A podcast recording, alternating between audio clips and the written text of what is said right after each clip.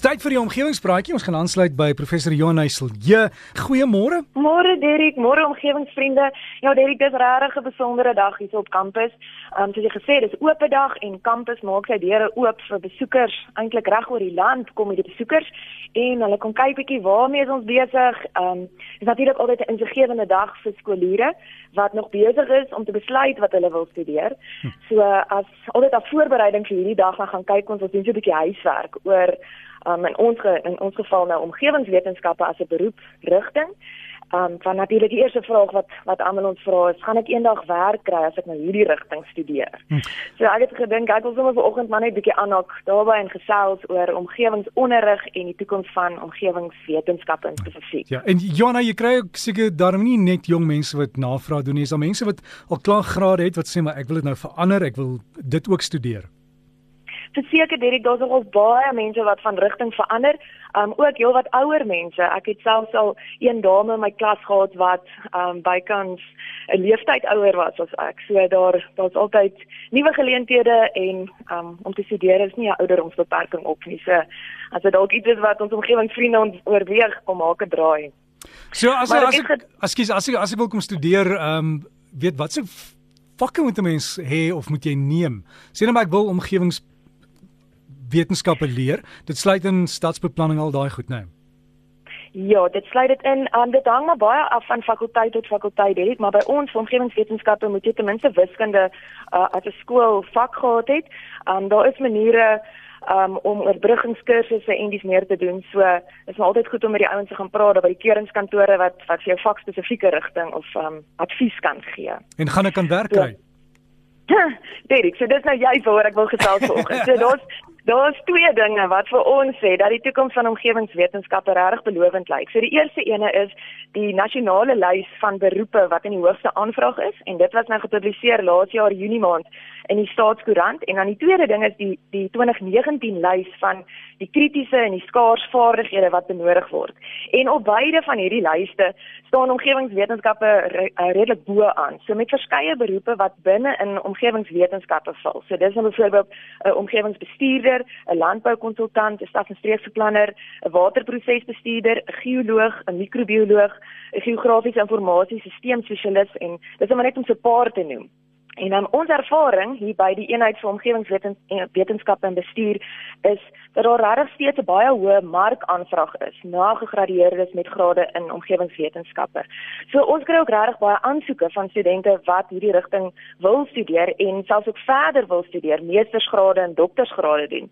So as ek 'n bietjie kan spog vanoggend hierdie um, ons aantal doktorsgrade verlede jaar net binne die eenheid vir omgewingswetenskappe en bestuur het um eintlik oor die afgelope 7 jaar met ongeveer 700% gegroei. So ons het in 2011 het ons 21 geregistreerde doktorsgraadstudente gehad en in 2018 het ons 141 doktorsgraadstudente gehad wat nou besig is met navorsing binne omgewingswetenskappe.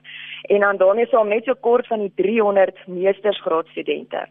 So Ek dink as mens dink aan die wêrelddruk om volhoubaarheidsdoelstellings te bereik en hoeveel klem daar nou geplaas word op omgewingsvolhoubaarheid. Um natuurlik ook saam met hierdie nuutste verslag van die Wêreldekonomiese Forum wat baie duidelik aandui hoe omgewingsrisiko's domineer as dit by wêreldrisiko's kom. Dan dan maak dit eintlik vir ons sin dat die markaanvraag na kenners in hierdie velde ook so toeneem. En um, ek praat in die week met die direkteur van die eenheid van omgewingswetenskap en bestuur, professor Nico Smit. En hy sê dit ook vir my dit is so nodig dat Suid-Afrika veral hierdie tipe spesialistkennis ontgin, want volhoubaarheid in 'n derde wêreld is natuurlik nog meer uitdagend as in die van die eerste wêreldlande. So ons benodig eintlik plaaslike kenners wat hierdie plaaslike dinamika en die uitdagings in konteks verstaan en dan die geleenthede kan raak sien om moontlike oplossings vir volhoubaarheid in Suid-Afrika te kan vind.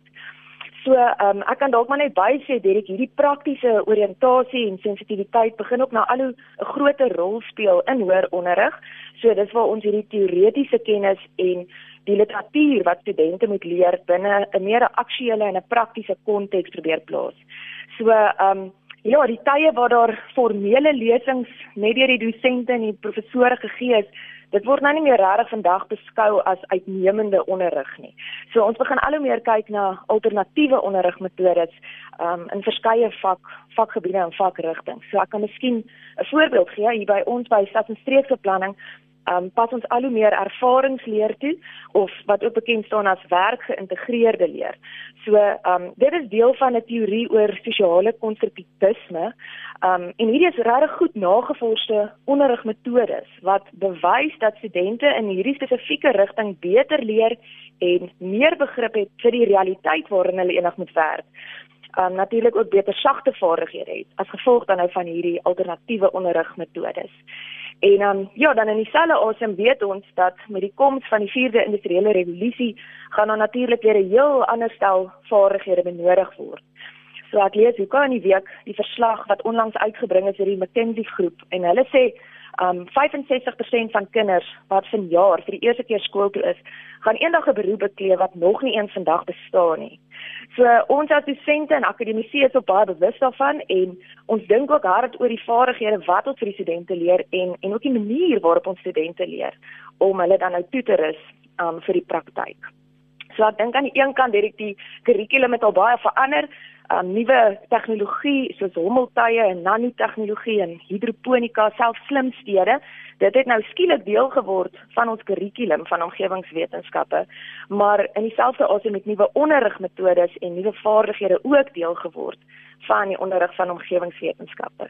So dit ek dink dit is 'n uh, opwindende tyd vir omgewingswetenskappe. Um aan die een kant dit wat in die wêreld aan die gebeur is, maar ook aan die ander kant dit wat in die akademie en in die onderrigkant aan die gebeur is. So, um, ja, as groen gedagte vandag Derek om af te sluit. Ek dink die toekoms van omgewingswetenskappe is regtig rooskleurig. So ons omgewing benodig kenners wat kan help om volhoubaarheid te realiseer. En ek ek dink ons kort mense met omgewingsharte wat die toekoms van ons omgewing kan help beskerm. So uh, as daar iemand is wat meer inligting benodig oor vakrigtinge um of spesifieke omgewingswetenskappe navraag, kontak my gerus. Uh as jy naby is kom maak 'n draai, dis regtig dit is 'n uh, energie op kampus, so dis iets om te beleef.